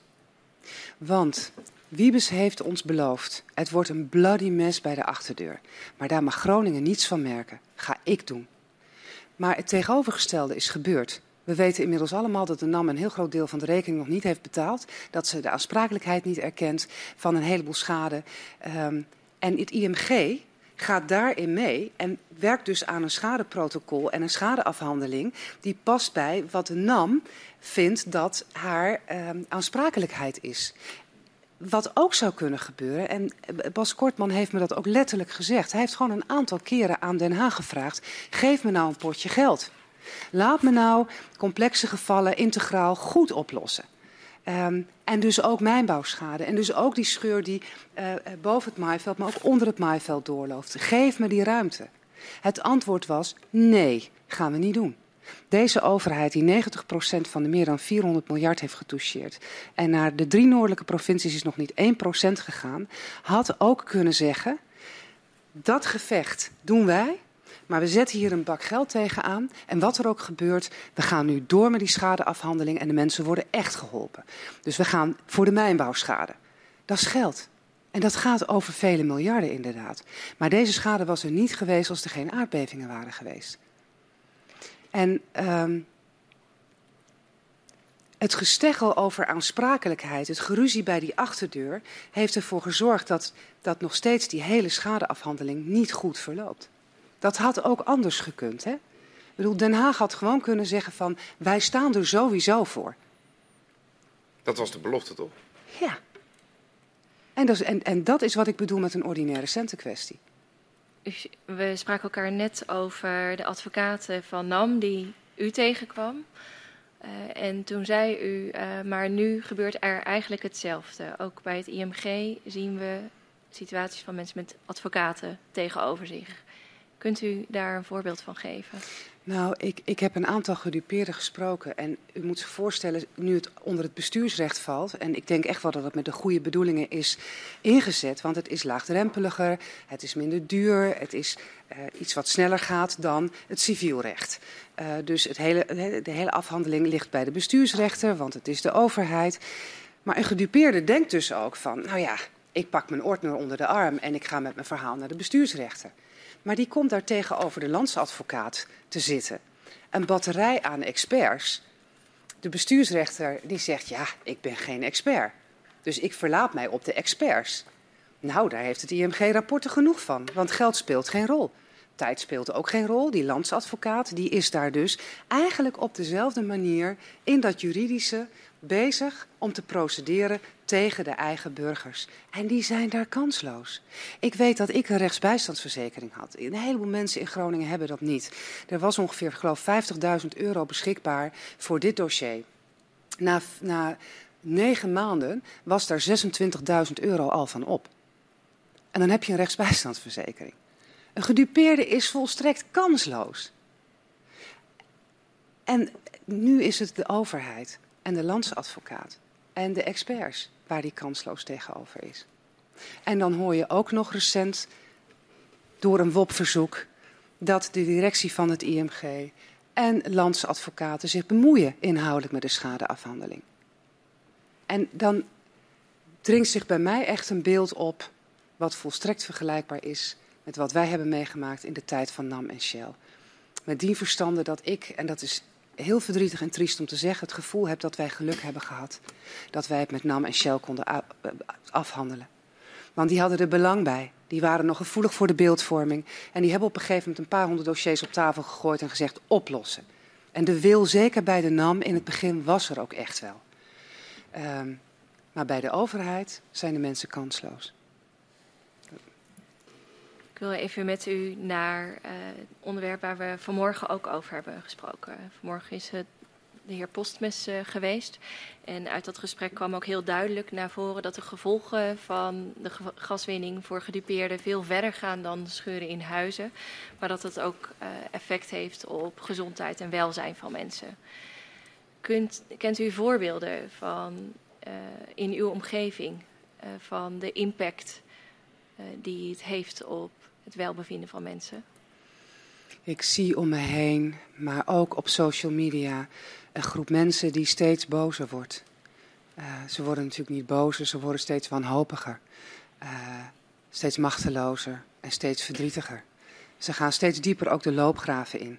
En dat is een plek waar je niet wil zijn, want daar heb je geen perspectief. Daar kun je je ook niet meer verhouden tot de ander. Daar kun je geen dialoog aangaan. Dat is wat er met steeds meer mensen gebeurt.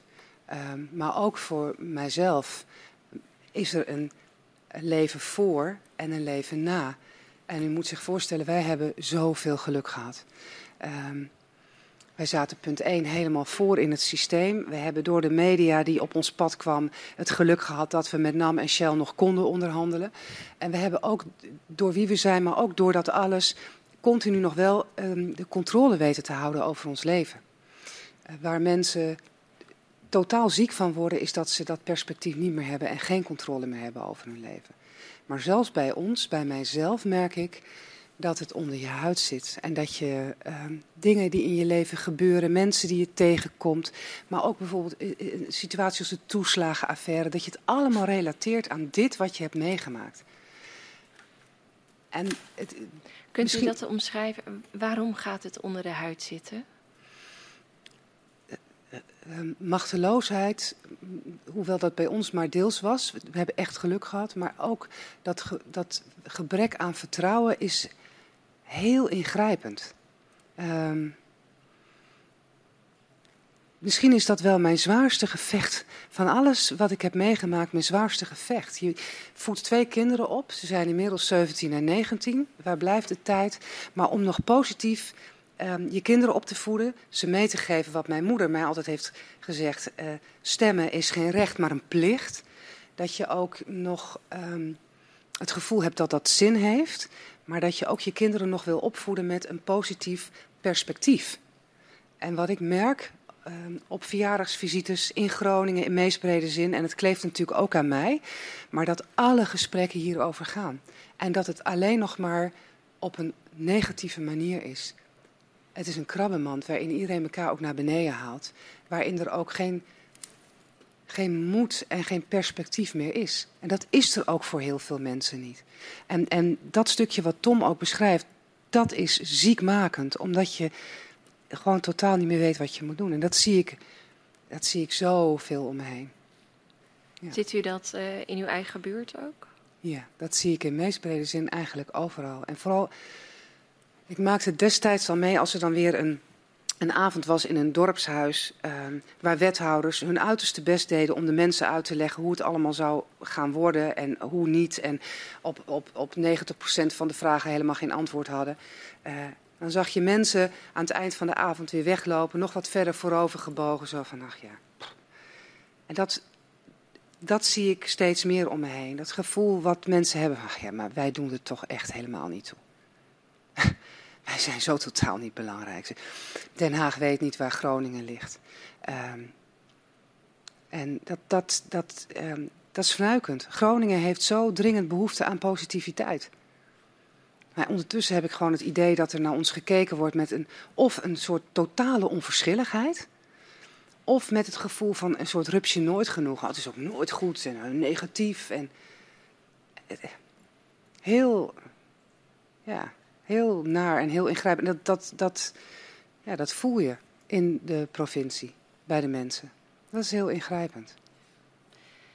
U gaf nu een paar keer aan uh, dat jullie geluk hebben gehad Um, u bent ook een heel aantal keren in televisieprogramma's geweest. Uh, u bent een bekend gezicht voor gedupeerden. Uh, had ook zelf contact met gedupeerden. Wat doet dat met u? Nou, ook dat was ingrijpend. Ik ben heel bewust op een gegeven moment op zoek gegaan naar werk buiten de provincie. Om in ieder geval even wat, wat afstand te nemen, ook voor mezelf. Um, maar het is heel moeilijk als je zelf in zo'n positie zit, dat je geluk hebt gehad en dat je aan de goede kant van de streep staat, om mensen continu te zien en te ontmoeten en op je pad te vinden die dat niet hebben. Ik kan niet eens beginnen met na te denken hoe het moet zijn als je nog steeds in de situatie zit waar ik toen in zat. En je voelt je daar zelfs mede verantwoordelijk voor. Uh, ik zie van de week op Twitter nog weer een heel lelijk bericht voorbij komen. Met nou, die mevrouw Heijten met de grote bek, die heeft het goed voor elkaar. Met foto's erbij van mijn oude huis en mijn nieuwe huis. En het was een bouwval. En moest kijken hoe ze erop vooruit is gegaan. En het enige wat ik kan denken is, oh arme. Want dat zijn mensen die machteloos en boos en verdrietig zijn. Omdat ze zelf dat perspectief niet hebben. En ik kan me nog voorstellen ook, als je naar mijn situatie kijkt. En je kijkt naar mijn huis, dat je denkt de mensen zullen nooit weten wat het ons heeft gekost. Dat wij al voor de derde keer de hypotheek hebben verhoogd. Dat ik de laatste tijd heel vaak denk, straks heb ik een huis, maar geen man meer. Omdat hij gewoon niet meer weet waar hij het zoeken moet. En eh, werkt in ploegen en ondertussen dik in de vijftig gewoon altijd nog bezig is om het ook maar een beetje klaar te krijgen. Maar mijn hart gaat juist ook uit naar die mensen die zo giftig zijn en zo boos. Omdat ik denk, ja, ik snap het wel. Ik snap wel dat je er zo naar kijkt. En uh, wat doen die verschillen en het uitblijven van oplossingen voor anderen met de sociale samenhang in het gebied? Misschien is dat nog wel het ergste. Het, het, is misschien wel ook een soort van, ja, het is een heel zwaar woord, maar terreur. Omdat er ook een soort van angst is. Ik merk het als ik word gebeld uh, door media van, goh, uh, weet je nog iemand die hier wat over zou willen vertellen? Er is bijna niemand meer te vinden. Want mensen zeggen eigenlijk allemaal: ja, maar ik wil mijn zaak niet schaden. En uh, ik word gewaarschuwd. Niet naar de media, want dat doet je zaak geen goed. Maar ook um, het feit dat binnen een straat mensen elkaar aankijken: van nou, niet zeggen hoor. En nou, hoeveel zou die gehad hebben? En oh, die heeft wel meer dan ik. En dat is, dat is zo ontwrichtend. Um, en ik heb dat niet zelf aan de lijve ondervonden, maar de verhalen zijn wel bekend over hele um, straten die elkaar inmiddels naar het leven staan. Ik weet van één situatie in Opwierde Appingedam, waar ik op het pad kwam van mensen En daar kwam ik een avond in een dorpshuis uh, om met ze te praten. En eigenlijk was het belangrijkste wat ze tegen me zeiden is... Anne, wij willen onze buurt terug. We willen gewoon onze buurt terug. Ja. Is er voldoende aandacht voor deze kant van de zaak? Wat mij betreft is er sowieso te weinig aandacht. Als je nou toch nagaat dat gisteren nog weer Van Haga, of was het, was eergisteren, Van Haga met droge ogen in de Tweede Kamer vertelt over dat gas eruit gepompt moet worden. Dat Thierry Baudet gewoon zegt dat heel Groningen Lamborghinis krijgt. Dat Eerste Kamerleden gewoon nog steeds roepen gas eruit. Oh, moeten ze wel compenseren. Dan denk ik, er is stelselmatig sowieso veel en veel te weinig aandacht geweest voor alle gevolgen. Een gemak waarmee men dat zegt. Men heeft geen idee wat het betekent om jaar in jaar uit elke keer weer naar een beving je huis om, om te moeten lopen en weer schade te zien. We doen met elkaar alsof schade eh, eh, eh, normaal is. Ik weet in ieder geval dat er meer dan een kwart miljoen schademeldingen zijn geweest. Ik dat is toch absurd? Eh, eh, en daar is niet voldoende aandacht voor. En, ehm, voor die sociale kant, waar voor, we net voor, over voor, die, voor de hele kant, ja. Voor wat het met mensen doet, wat het betekent. Um, het, lijkt, het lijkt wel niet door te dringen ook. Nee. Ik vind dat zo ontzettend pijnlijk. En wat is daarvoor nodig, denkt u? Nou, ik, ik was, was en ben een groot voorstander van deze parlementaire enquête. Omdat ik denk dat het, het is in ieder geval voor mij mijn enige hoop. Het alternatief is een hele zware beving. God verhoede het, want dat willen we allemaal niet. Maar op de een of andere manier denk ik dat dat het enige is wat helpt. Dat jullie in meest brede zin die onderste stenen boven krijgen. En met name ook dat perspectief voor de toekomst, dat jullie daar aandacht voor hebben. Dus die schadeafhandeling en dat versterken. Het is heel belangrijk dat je naar het verleden kijkt en dingen boven tafel krijgt, zeker. Um, ik weet dat Albert Rodeboog, uh, burgemeester van Loppersum, destijds zei: die, die beving in Huizingen 2012, dat was het kantelpunt. Toen gingen we ons realiseren dat het van een schadeprobleem een veiligheidsprobleem werd. Ik denk bij mezelf: Goh, was, was dat echt zo? Of wist men toch ook wel al langer? Nou ja, we hebben van de week natuurlijk al wel het een en ander gehoord van ja, het kon ook wel iets met veiligheid doen. Volgens mij wisten ze het al veel langer. Het is belangrijk om te weten. Het is ook belangrijk om te weten hoe het dan mogelijk is dat die gaskraan open ging in 2013. Maar nog veel belangrijker is de erkenning en vooral het perspectief. Er moet iets gebeuren met die schadeafhandeling en met die versterking.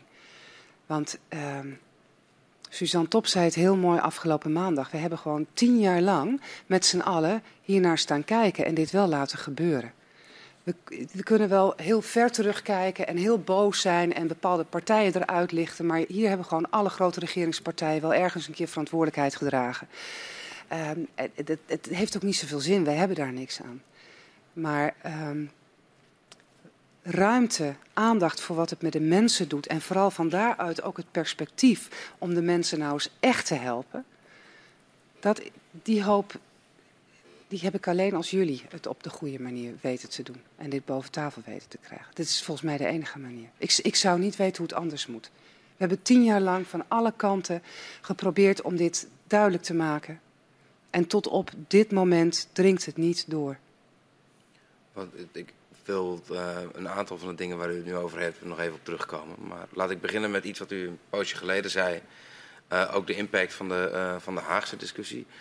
Um, merkt u dat de hernieuwde um, vraag die op tafel komt te liggen over het al dan niet opendraaien uh, van de gaskraan in, uh, in Groningen. Wat, uh, wat heeft dat voor effect voor, voor de regio op dit moment? Het enige wat ik hoor is, we gaan dit never ever nooit droog houden. Die gaskraan gaat gewoon weer open. Je denkt toch werkelijk niet dat ze hun woord gaan houden en dat onze veiligheid nu belangrijker is. Het doet iets met de mensen, het gemak waarmee het wordt gezegd. En er is een enquête geweest recent uh, door, door Dagblad van het Noorden. En ik, ik snap dat als journalist wil je weten, hè, hoe staan de mensen erin? Maar de vraag die is gesteld is, zou je om Poetin dwars te zitten de gaskraan open willen doen als het veilig kan? Ja, het kan niet veilig. Um, dus eigenlijk klopte die vraag niet. Uh, maar als je mij die vraag zo zou stellen en het zou veilig kunnen, direct vandaag, alle gas eruit. Natuurlijk. Natuurlijk. En dat heeft Groningen ook geantwoord. Nou, dat wordt je nu uh, uh, verweten. Dat krijg je links en rechts om de oren. En dat is weer het, het begin geweest van. Het, het, is ook bijna hoe fake news ontstaat. Iedereen begint te roepen. En op het moment dat mensen ook in hun portemonnee worden geraakt, is die solidariteit met wat het met mensen tien jaar lang in Groningen heeft gedaan, is gewoon weg. Gewoon weg. Open die gaskraan. Compenseer. Het is zo pijnlijk. Het is zo onvoorstelbaar dat ze niet in de gaten hebben wat ze zeggen. Wat het betekent als je, nou ja, wat wij hebben meegemaakt. Gewoon dat, dat um, onze dochter Saartje, die in een noodschool zit, omdat de school niet veilig is, die aardbevingsoefeningen in de klas krijgt met haar groep van wat ze moet doen als er een aardbeving komt. Als je dat aan een gemiddelde, gemiddelde voorbijganger in Nederland vraagt, die kijkt je echt aan van waar heb je het over? Dat gebeurt met de kinderen in Groningen, die naar huis komt fietsen over dat prachtige Zevenbruggetjespad en een bulldozer in haar slaapkamer ziet staan. En dan allemaal maar roepen, nou, geen probleem, het moet wel sneller. Het moet even wat sneller. Er moet even wat meer geld tegenaan. En die fantastische Groningers die, terwijl ze dit allemaal gebeurt, dan ook nog zeggen dat ze solidair zijn en hun eigen problemen daarbij ook nog kleiner maken. Ja, dat, dat, nou ja, ik, ik, word daar heel verdrietig van. Ja. Ik wil straks nog even met u, u gaf al een aantal doorkijkjes naar de toekomst, wat er zou moeten gebeuren. Wil ik straks nog even apart op terugkomen.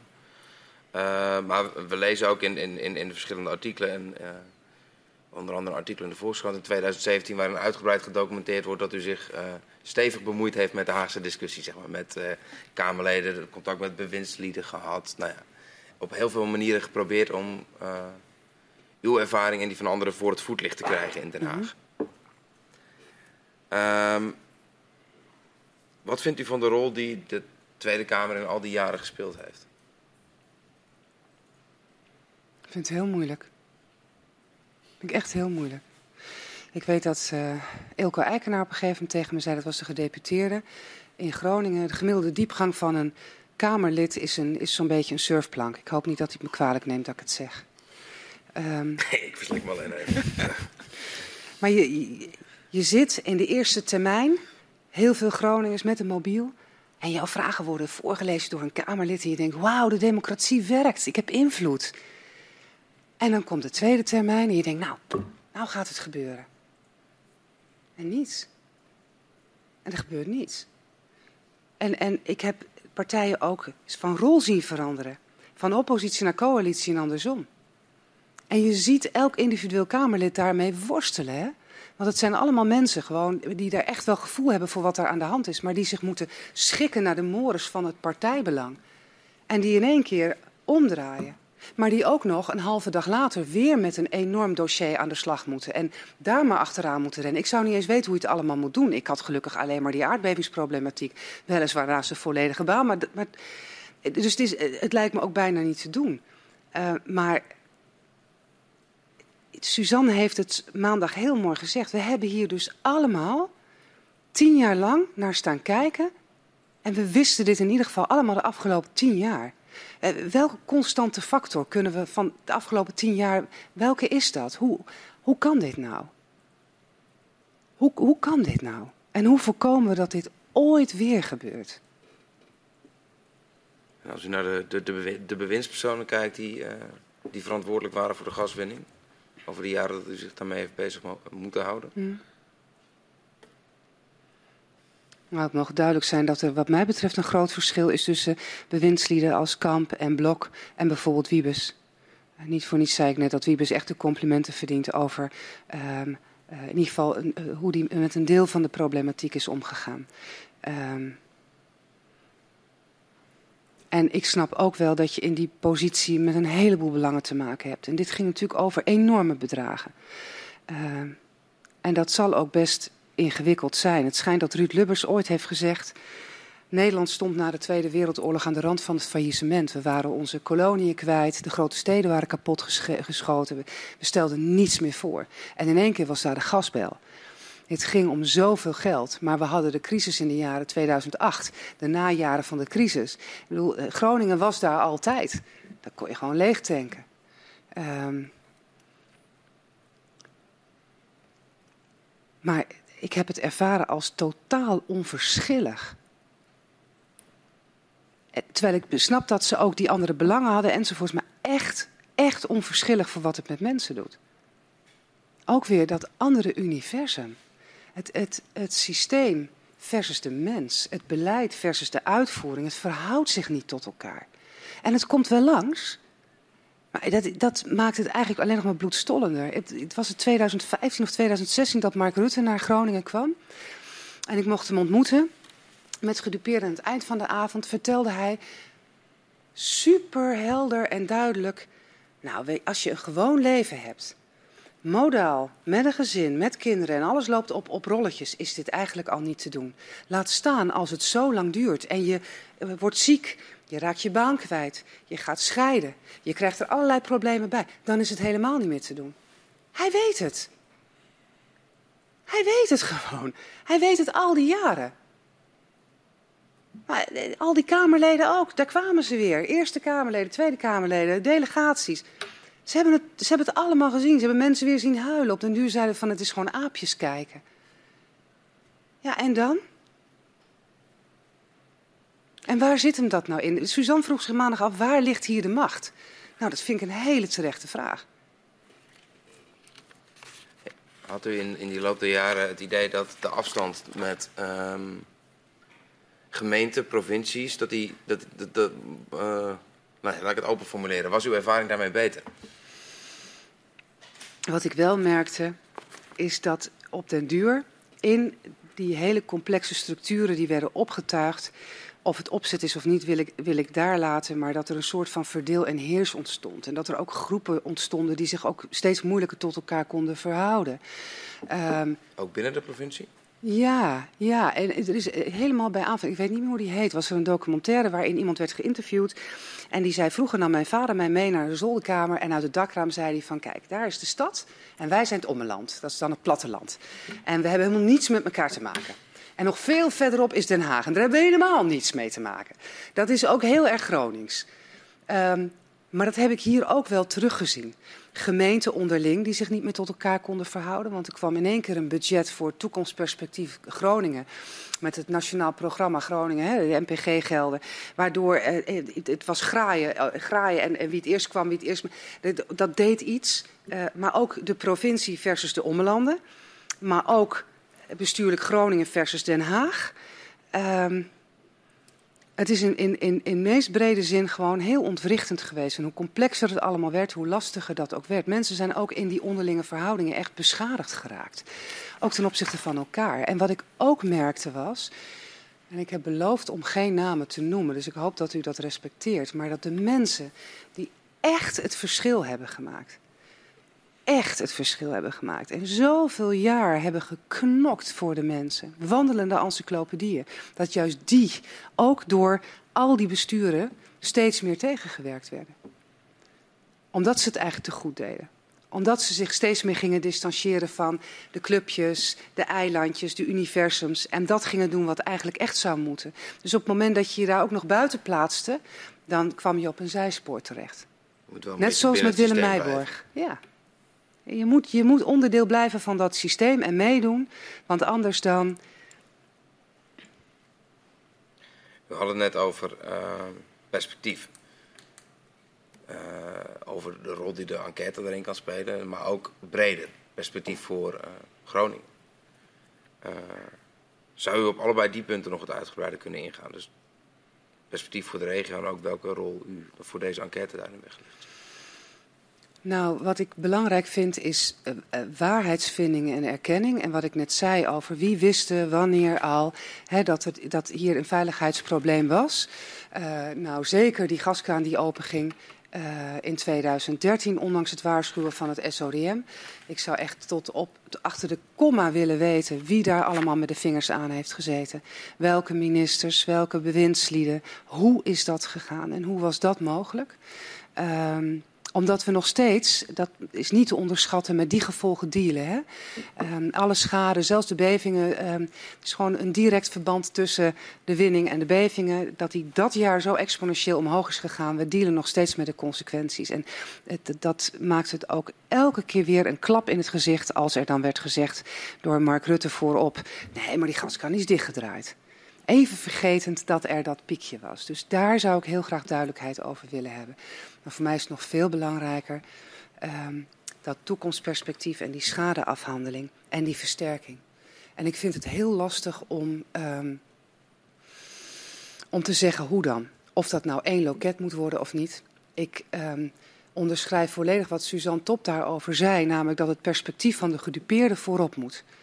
Maar we moeten voorkomen dat we nu weer in allerlei interne reorganisaties terechtkomen, omdat we twee organisaties gaan samenvoegen die in de loop der jaren apart naast elkaar zijn ontstaan, want dat, daar gaat ook weer heel veel energie naartoe. Maar voor de gedupeerde moet het één loket zijn, één perspectief. Dat wel. En jullie bevindingen moet daartoe leiden. Maar misschien nog wel belangrijker, misschien is dat wel het allerbelangrijkste probeer alsjeblieft boven tafel te krijgen hoe het mogelijk is dat nog steeds tot op de dag van vandaag bij die schadeafhandeling dingen gaan zoals ze gaan. En volgens mij, ja, ik zal mezelf dan gaan herhalen, maar dit is ongekend. Gewoon nog steeds alleen maar die cosmetische trillingsschade. Niet de erkenning van de mijnbouwschade. En ik kan niet geloven dat er elke ochtend honderden mensen, honderden experts wakker worden die werken bij het IMG en denken: hoe gaan we nou de Groningers eens even het leven zuur maken weer vandaag? Zo, zo werkt het dus niet. Maar hoe werkt het wel? Hoe kan dit nou? Ik denk namelijk dat die hele club experts er ook echt van overtuigd is wat ze doen. Daar gebeurt iets. Is dat wat u ook bedoelde met mijn enige hoop is een, een, een, een zware beving of de enquête, om het maar even zo te zeggen. Dat, dat, het uit, uit die, de huidige systeemwereld getrokken moet worden? Of wat? Ja, ja, want ik zou niet weten wat we anders nog kunnen doen. We hebben de afgelopen tien jaar, uh, tenminste voor zover ik dat kan overzien, zo'n beetje alles geprobeerd om hier een verandering in te brengen. Um, volgens mij zei mijn voorganger Tom Postmus, um, waar ik een deel van heb kunnen horen, ook wel heel duidelijk van, nou, dan ging er weer, de, de, de vlaggen gingen weer uit en er was er weer een nieuwe regelingen. Het, het, het, um, ergens is het er alleen maar erger mee geworden. Wil je dit echt beter maken dan voor de gedupeerden, dan zul je de onderste steen boven moeten krijgen over wat hier nou precies is fout gegaan en vooral ook kijken van en hoe gaan we dit dan nu anders doen. Dat is ook de reden waarom ik destijds direct zei: alsjeblieft begin zo snel mogelijk met deze enquête. En ga niet wachten tot de schadeafhandeling en de versterking goed op gang zijn gekomen. Wij moesten daar heel hard om lachen in Groningen, want we wisten allemaal al van goed op gang gekomen. Nee, je moet zo snel mogelijk beginnen, want jullie kunnen dit boven tafel krijgen. Met als enige hoop dat op basis daarvan er misschien wel iets gaat veranderen waar de mensen in Groningen wat aan hebben. Kijk, en het, het perspectief in het verlengde daarvan het Nationaal Programma Groningen, uh, dat is dus de zak geld die er is voor dat perspectief. Uh, is gewoon hartstikke belangrijk. Maar ik, ik, hoor om mij heen de meeste mensen zeggen van hou op met je spiegeltjes, krautjes en wipkippen en ga nou eerst eens de problemen van de mensen oplossen. En wat mij betreft zou het zelfs nog wel parallel aan elkaar ingezet kunnen worden. Maar op het moment dat de mensen nog zo diep in de ellende zitten en je gaat dit ook weer presenteren als fantastisch, dan, dan wordt het cynisme alleen maar groter. En natuurlijk hebben we sociaal-economisch perspectief nodig. Um, absoluut. Um, maar, maar eerst dit. En ik denk dat jullie, wat mij betreft, de enige zijn die dat boven tafel kunnen krijgen. De enige hoop die ik daarop heb. Dat er voor de mensen echt wat gaat veranderen. Dank u wel. Hartelijk dank, mevrouw Heijten. We zijn uh, als commissie uitgevraagd. En met u sluiten we ook de eerste week van eh, de openbare verhoren van de enquêtecommissie af. En we hebben geprobeerd eh, de omvang, de urgentie, de complexiteit van eh, de Groninger gaswinning met al haar gevolgen in beeld te brengen. En in deze week ook zicht te krijgen op welke belangrijke vragen er leven. En daar proberen we in de openbare verhoren die eind augustus verder gaan, nog zes weken in totaal, antwoorden op te geven. Ik dank u nogmaals uh, voor de antwoorden die u vandaag hebt gegeven en ik uh, verzoek de griffier om u naar buiten te begeleiden. Zou ik nog één ding mogen zeggen? Ja. Ik heb heel erg geprobeerd en dat ook wel ervaren als een zware verantwoordelijkheid dat mijn verhaal ook wel een beetje symbool moet staan voor het verhaal van heel veel gedupeerden. En ik hoop dat mensen die vandaag hebben gekeken wel iets er ook van herkennen en die erkenning zien. Ik vind het heel belangrijk om ook aandacht te vragen voor wat het met onze kinderen doet. Um, en ik hoop dat jullie ook in het vervolg daar nog aandacht voor zullen hebben. Want ik heb het net even gehad over mijn Saartje en mijn Annemijn. Maar het, um, de boodschap die wij uh, aan, aan, de jongere generaties al die tijd doorgeven, um, die is niet best. En kinderen zijn heel mooi, die accepteren het leven zoals het is. En het is wat het is. Maar toen mijn ene dochter naar de middelbare school in de stad ging, kwam ze erachter dat op steenworp afstand daar allemaal andere kinderen zitten die werkelijk geen idee hebben wat haar is overkomen. Die zelfs nog een beetje lacherig doen over een documentaire en materiaal wat ze vonden. Niet dat ze ermee gepest werd, maar wel zo van, hè? En dat was het moment dat mijn dochters zich realiseerden dat het niet normaal was. Wat is ons overkomen? En dan zaten zij nog aan de kant van het gezin dat de controle had en die geluk had. Dus alstublieft, heb ook aandacht voor wat het met de kinderen doet. Dank dat u ook nog aandacht vraagt voor dat perspectief. En uh, ik wens u een, uh, een, goede reis. En ik verzoek de griffier om u nu naar buiten te begeleiden.